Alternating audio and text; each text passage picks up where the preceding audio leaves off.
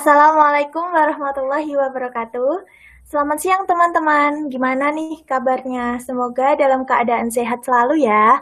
Amin. Oke, perkenalkan dulu. Nama saya Intan Rita Safitri yang akan membawakan acara Bikes atau Biologi Podcast pada siang hari ini.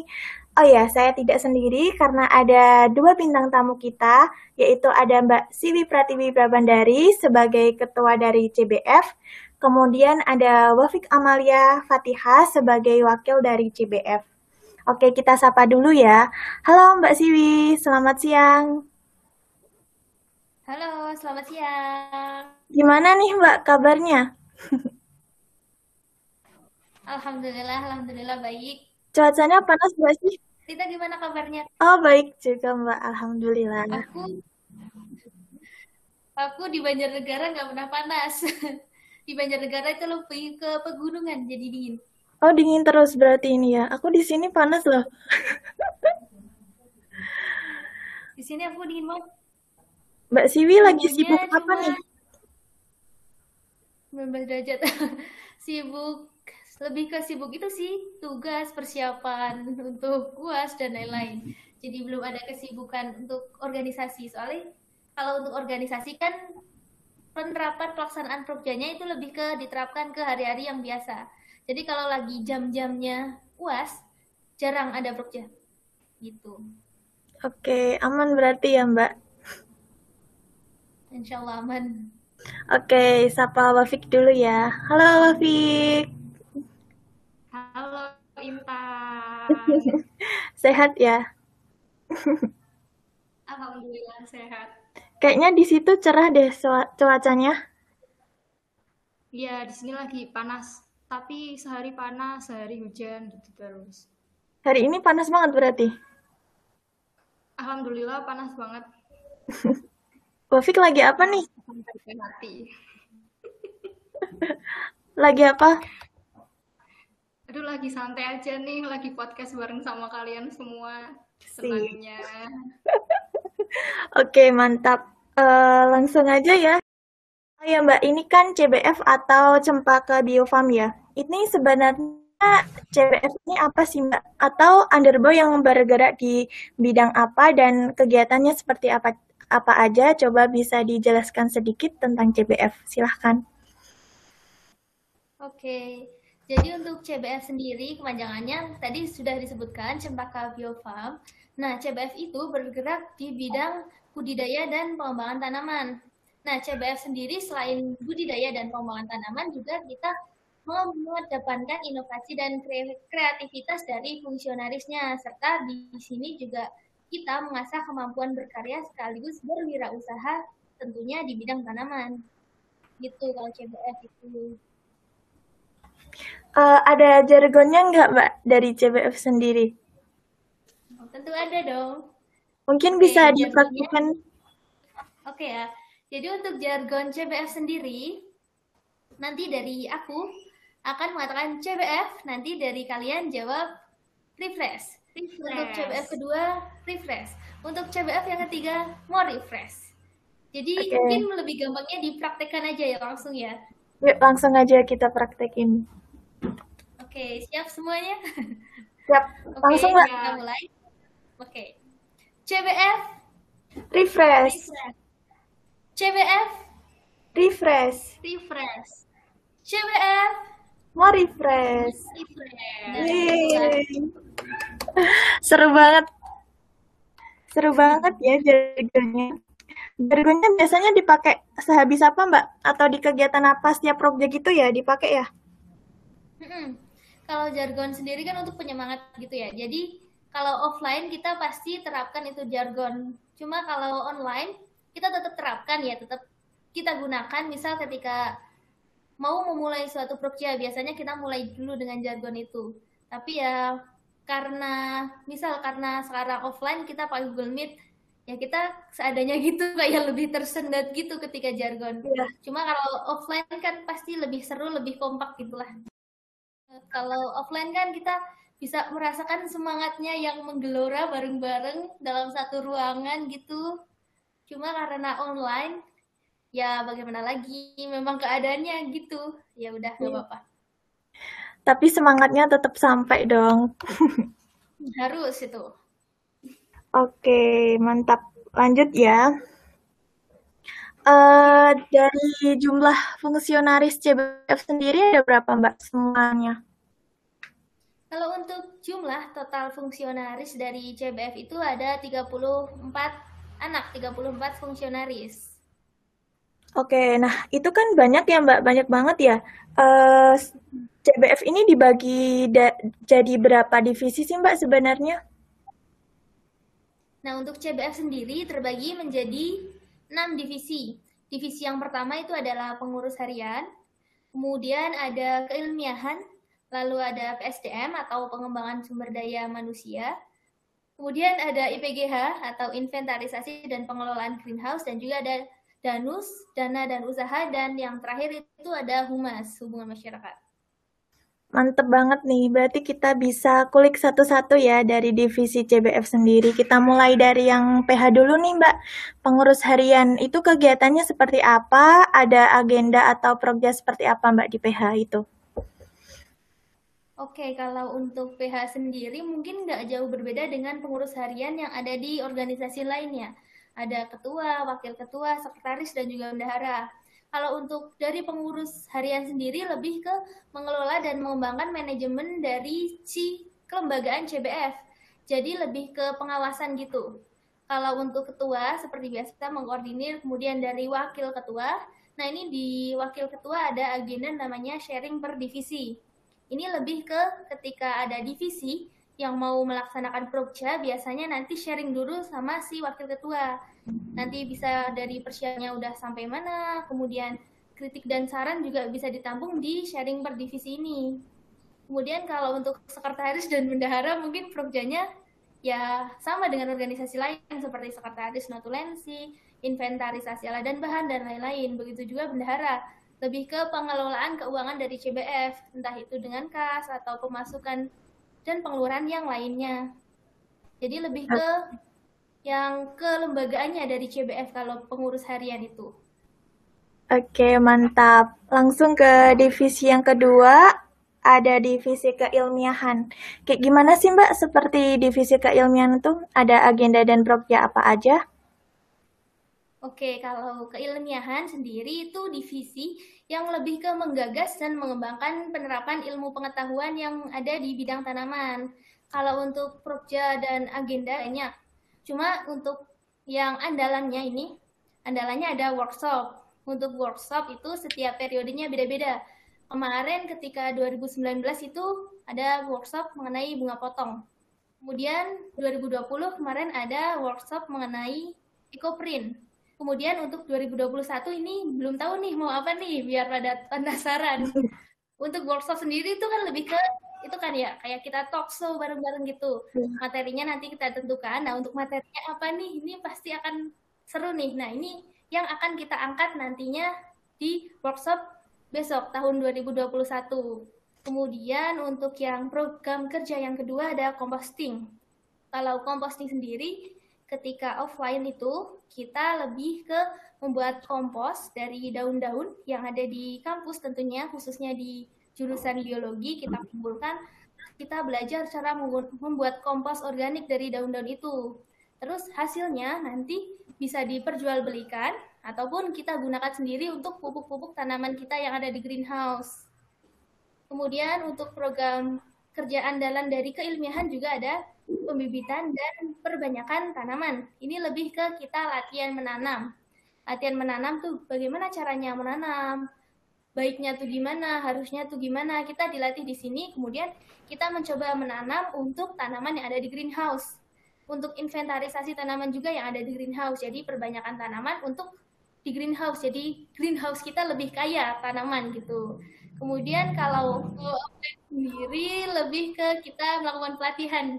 Jadi pelatihan secara online, pematerinya dari MPO CBF yang sudah pengalaman, Kemudian kita setelah pelatihan secara online tersebut, kita tetap implementasikan di sekitar rumah kita.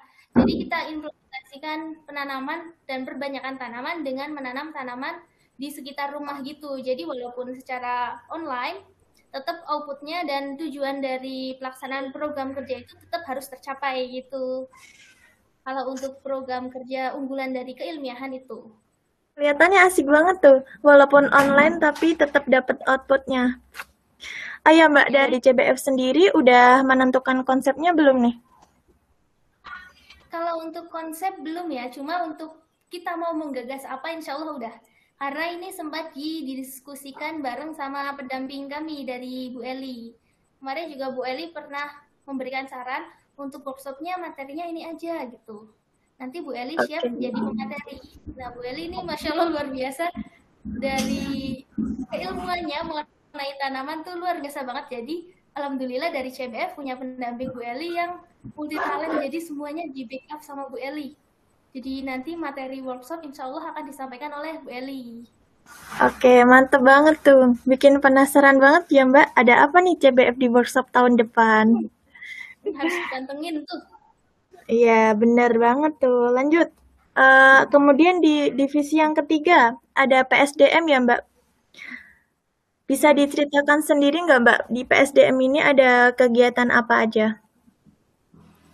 Kalau untuk PSDM itu merupakan divisi yang melatih dan mempersiapkan kader yang kompeten dari fungsionaris CBF itu.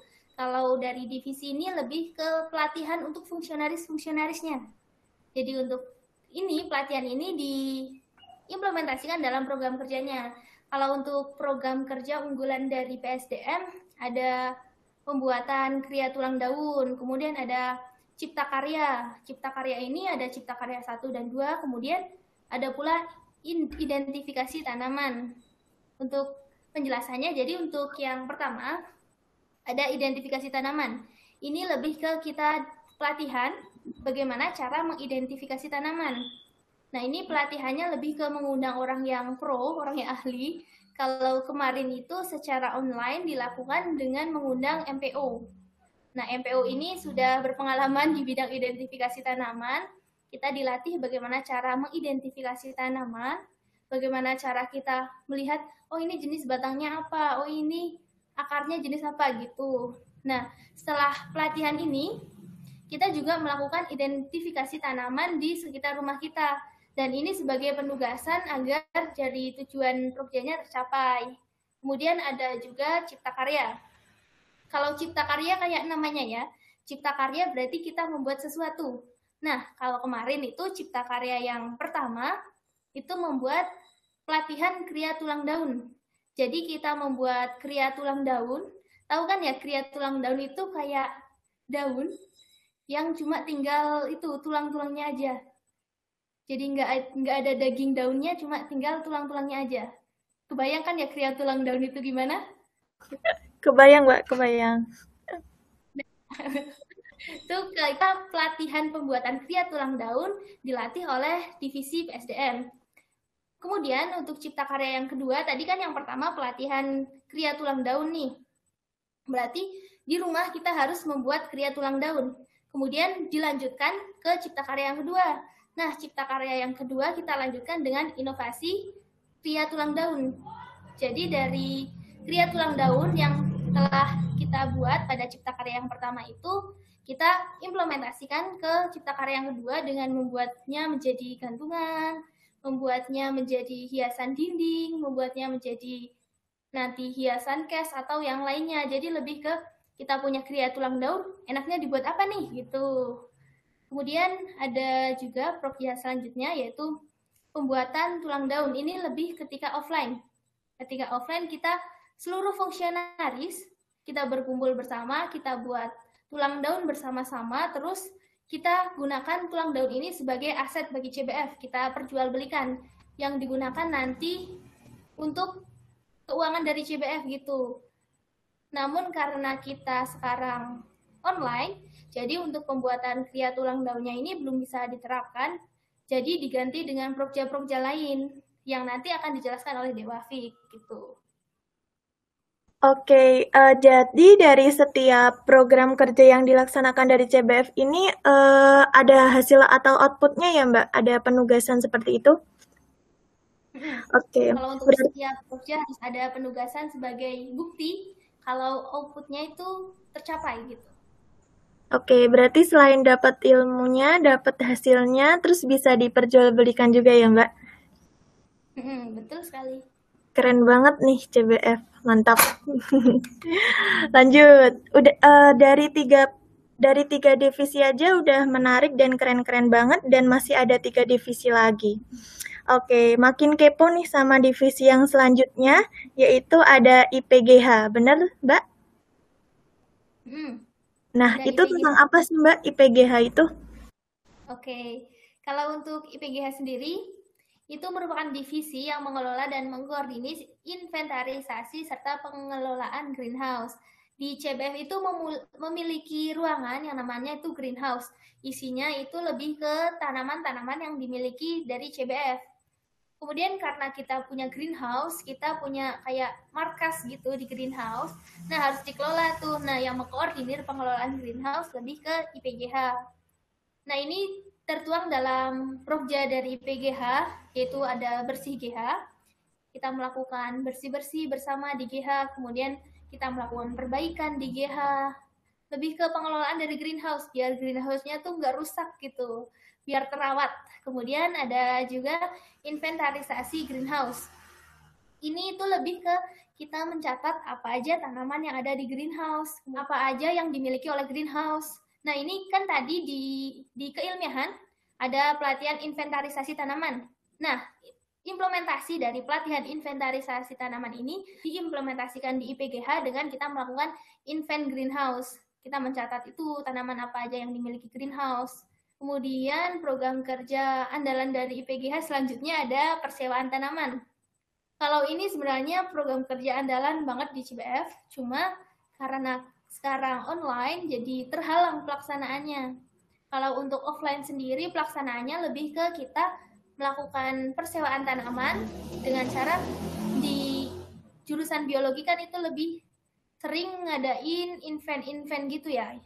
Lebih ngadain event-event gitu. Event-event entah itu wisuda entah itu ada pelaksanaan atau kegiatan hima. Nah biasanya dari CBF dimintai tolong untuk melakukan hias menghias panggung dari pelaksanaan event tersebut. Jadi misal nih ada mahasiswa yang wisuda. Nah dari CBF diminta untuk menghias panggung yang digunakan untuk wisuda tersebut. Jadi menggunakan tanaman yang ada di greenhouse kita gunakan untuk menghias panggung tersebut. Nah, untuk pelaksanaannya sendiri cuma bisa dilaksanakan ketika ketika offline, cuma ketika online ini jadi nggak bisa kan ya, jadi terhalang pelaksanaannya.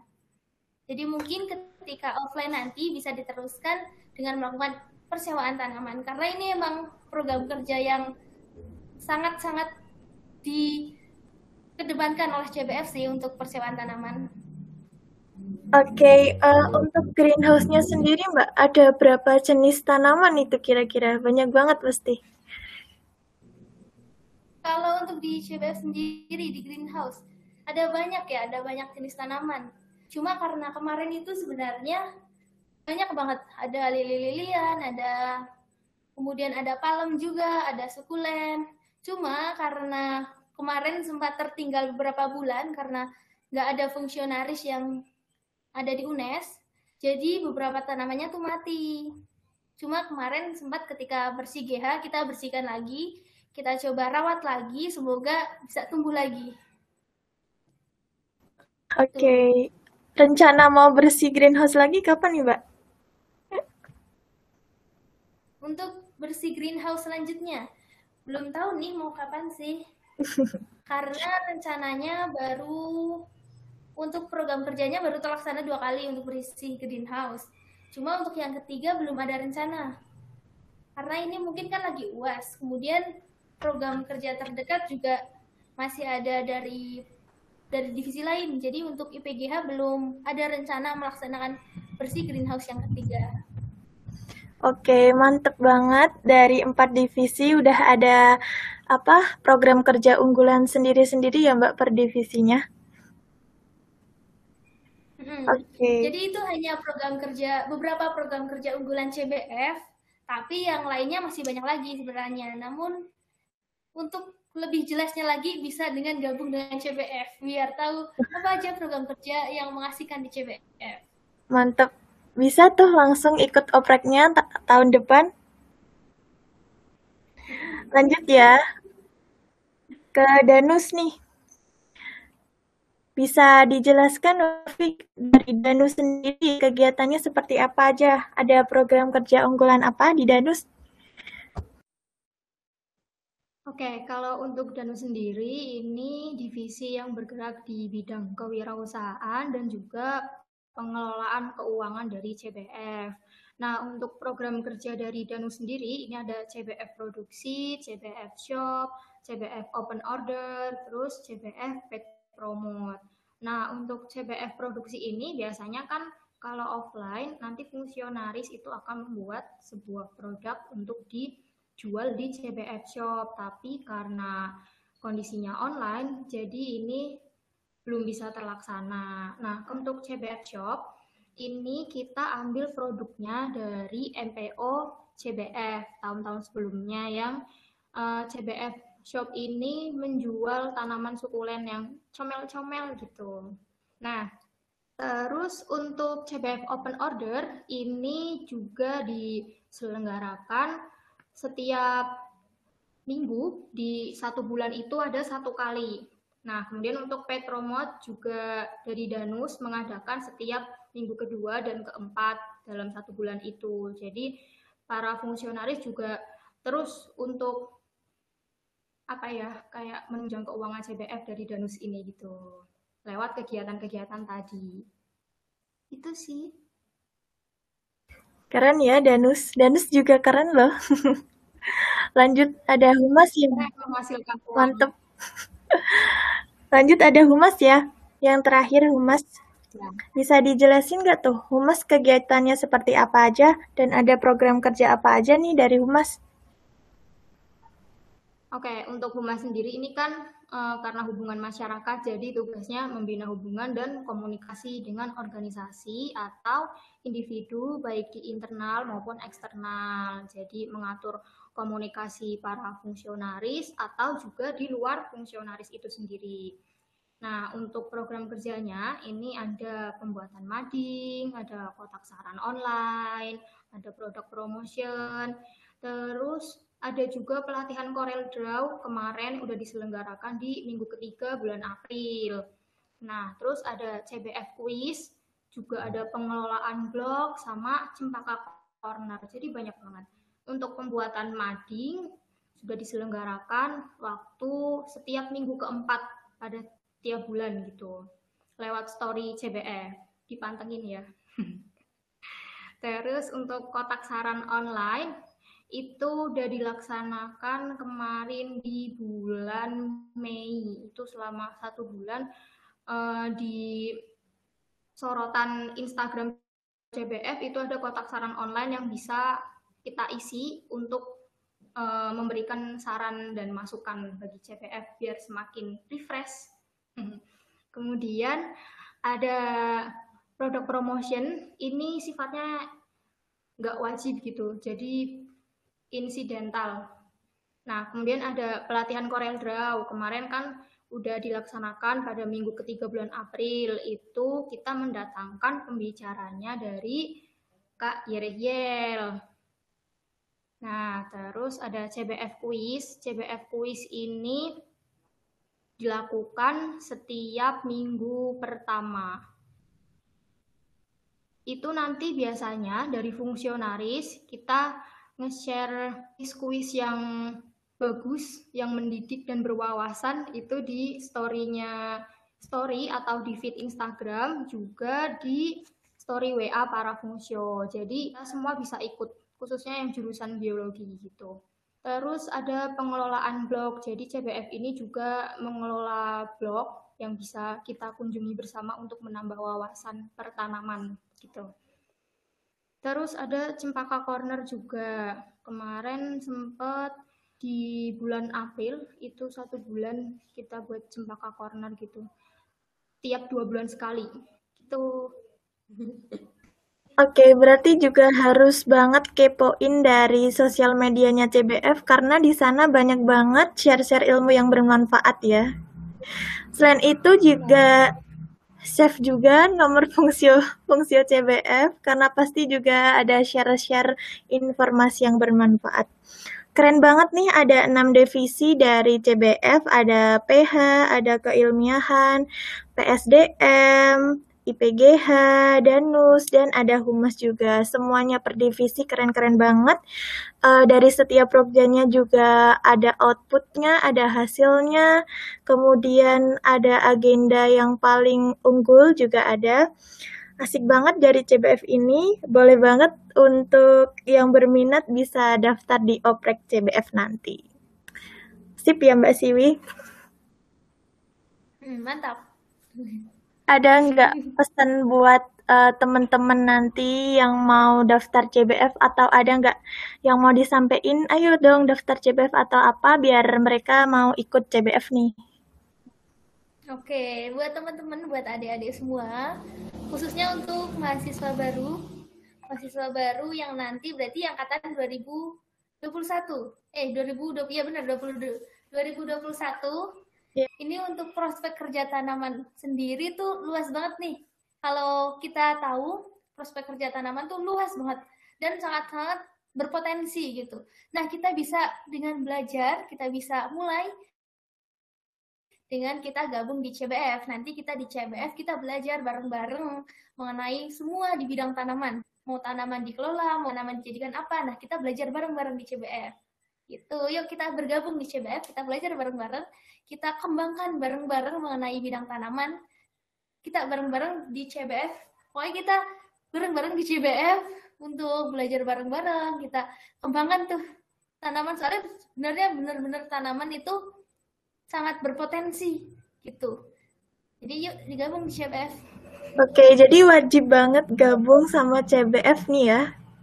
Oke, terima kasih kepada Mbak Sivi dan Wafik atas waktunya untuk mengikuti Biokes pada siang hari ini. Tepuk tangan dulu dong buat CBF. Oke, untuk informasi opreknya pasti nanti ada informasi dari CBF ya, Mbak. Ditunggu deh pokoknya. Oke, terima kasih sekali lagi ya Mbak. Saya akhiri Biokes pada siang hari ini. Uh, saya ucapkan sekali lagi terima kasih kepada Mbak Siwi dan Wafik atas waktunya pada siang hari ini. Maaf, mohon maaf apabila ada kata-kata yang kurang berkenan. Sekian, terima kasih. Wassalamualaikum warahmatullahi wabarakatuh. Selamat siang.